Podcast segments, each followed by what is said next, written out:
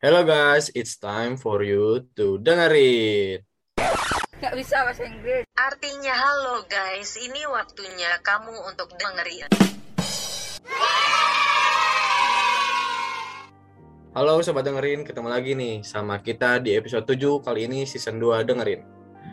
Episode kali ini akan dibawakan oleh gua Hasmi, partner gua kali ini. Ini ada gue Vicky. Nah Bang, kalau kemarin-kemarin kita udah bahas soal permagangan duniawi nih, yang mana adalah step-step akhir jadi mahasiswa. Kali ini kita bakalan flashback dikit nih ke awal-awal waktu masih jadi mahasiswa baru atau maba. Nah, bener banget nih. Hari ini bakal seru-seruan karena kita bakal mengenang lagi nih flashback ke zaman-zaman waktu kita masih maba. Seperti yang kita tahu, waktu peralihan dari SMA ke kuliah itu banyak banget yang berubah dan menuntut kita buat adaptasi.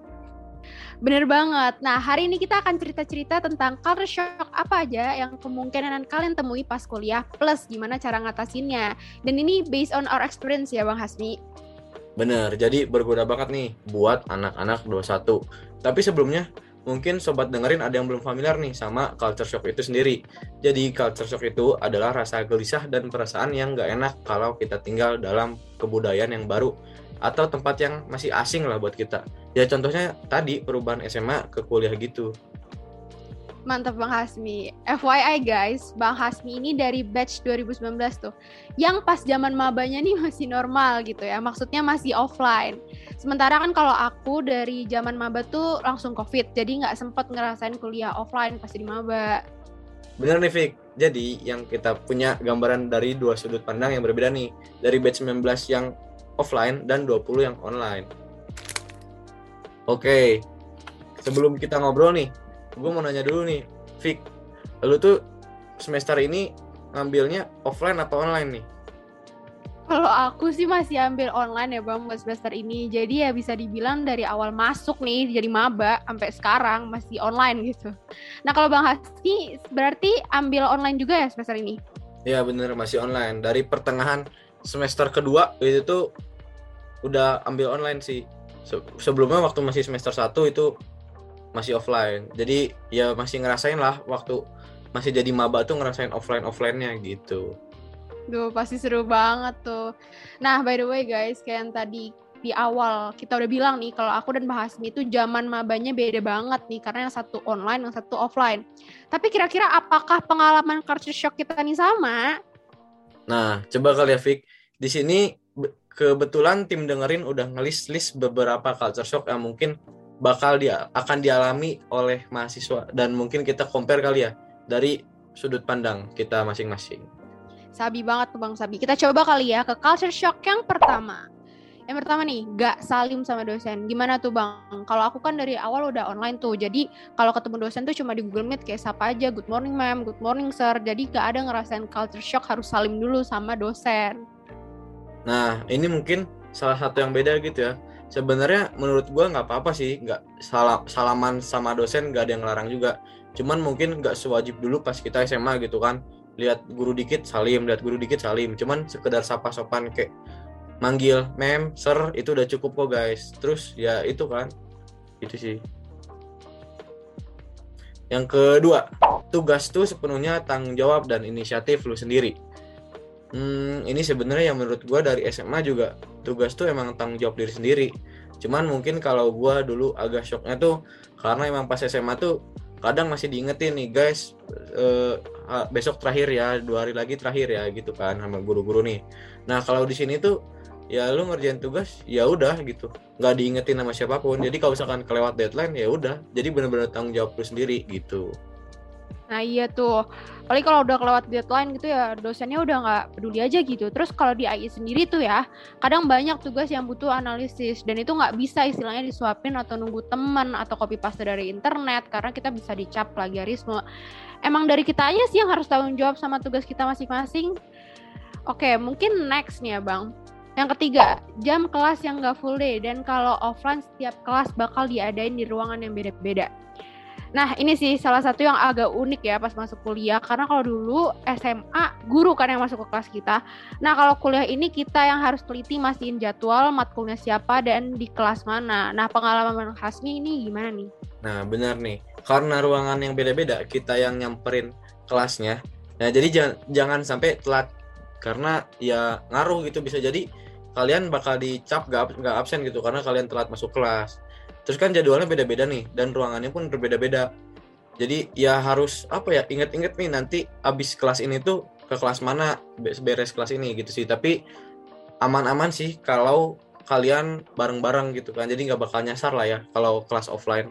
Ya paling kalau misalkan kalian sendiri gitu jam pelajaran pertama, matkul pertama kalian salah gedung ya itu sih yang bete bikin bakal kalian capek sih gitu sih oke next ya yang keempat baju yang nggak pakai seragam lagi. Ya ini sih yang paling apa ya bedanya tuh beda banget gitu. Dan jujur nih ya Bang Asmi dulu aku excited banget masuk kuliah gara-gara ini.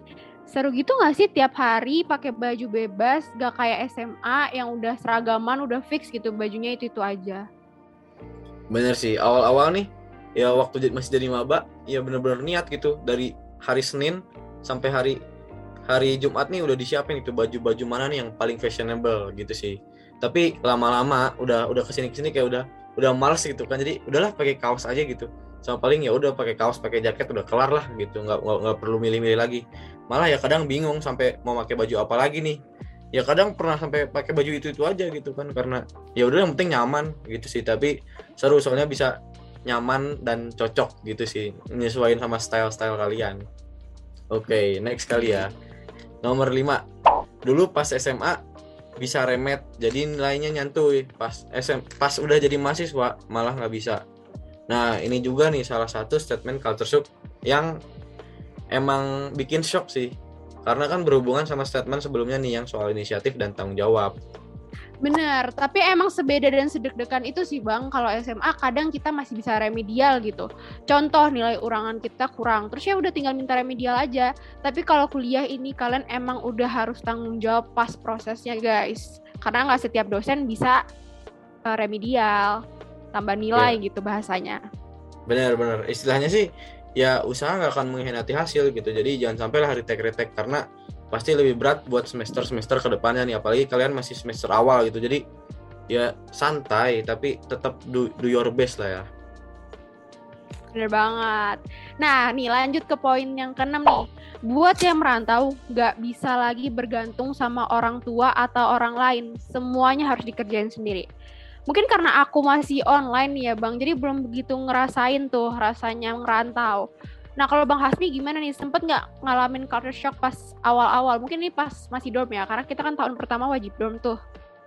Bener-bener, ya pasti dorm sih pastinya. Dan ya pertama jauh karena jauh dari orang tua ya, apalagi kita tuh masih maba belum banyak punya banyak teman gak sih kayak masih beneran hidup sendiri gitu ya mungkin nanti udah dua minggu tiga minggu ke depan udah punya teman gak bakal sih ngerasain yang namanya culture shock gitu kan ya pertama suasananya kan beda nih pasti terus ya pasti ngerasa homesick sih gitu kan. Udah gitu ke tempat yang baru tuh pasti ya pasti banyak gitu culture shock yang lu temuin pas awal-awal datang yang ke kota asing yang lu pun nggak tahu itu tuh sebelumnya lu belum pernah ke sana gitu. Dan sekarang lu ke sana sendiri gitu kan. Ya pasti mau nggak mau tuh lu harus ngurusin diri sendiri gitu. Mandiri lah mulai dari makan kegiatan dan lain-lain. Jadi kayak ya biasanya kan waktu masih SMA nih lu bangun tidur udah ada susu udah ada teh gitu kan ya lu tinggal nyeruput. Tapi kalau ini tuh ya karena lu hidup sendiri lu bangun-bangun tuh ya kalau lu pengen minum teh atau minum susu ya lu bikin sendiri itu sih. Bener banget tuh bang. Pas SMA kadang sarapan ya udah ada gitu. Kalau sekarang harus tanggung jawab sendiri. Kalau mager ya nggak makan gitu. Terus belum lagi soal baju gitu. Udah siap tinggal pakai. Kalau sekarang harus laundry sendiri.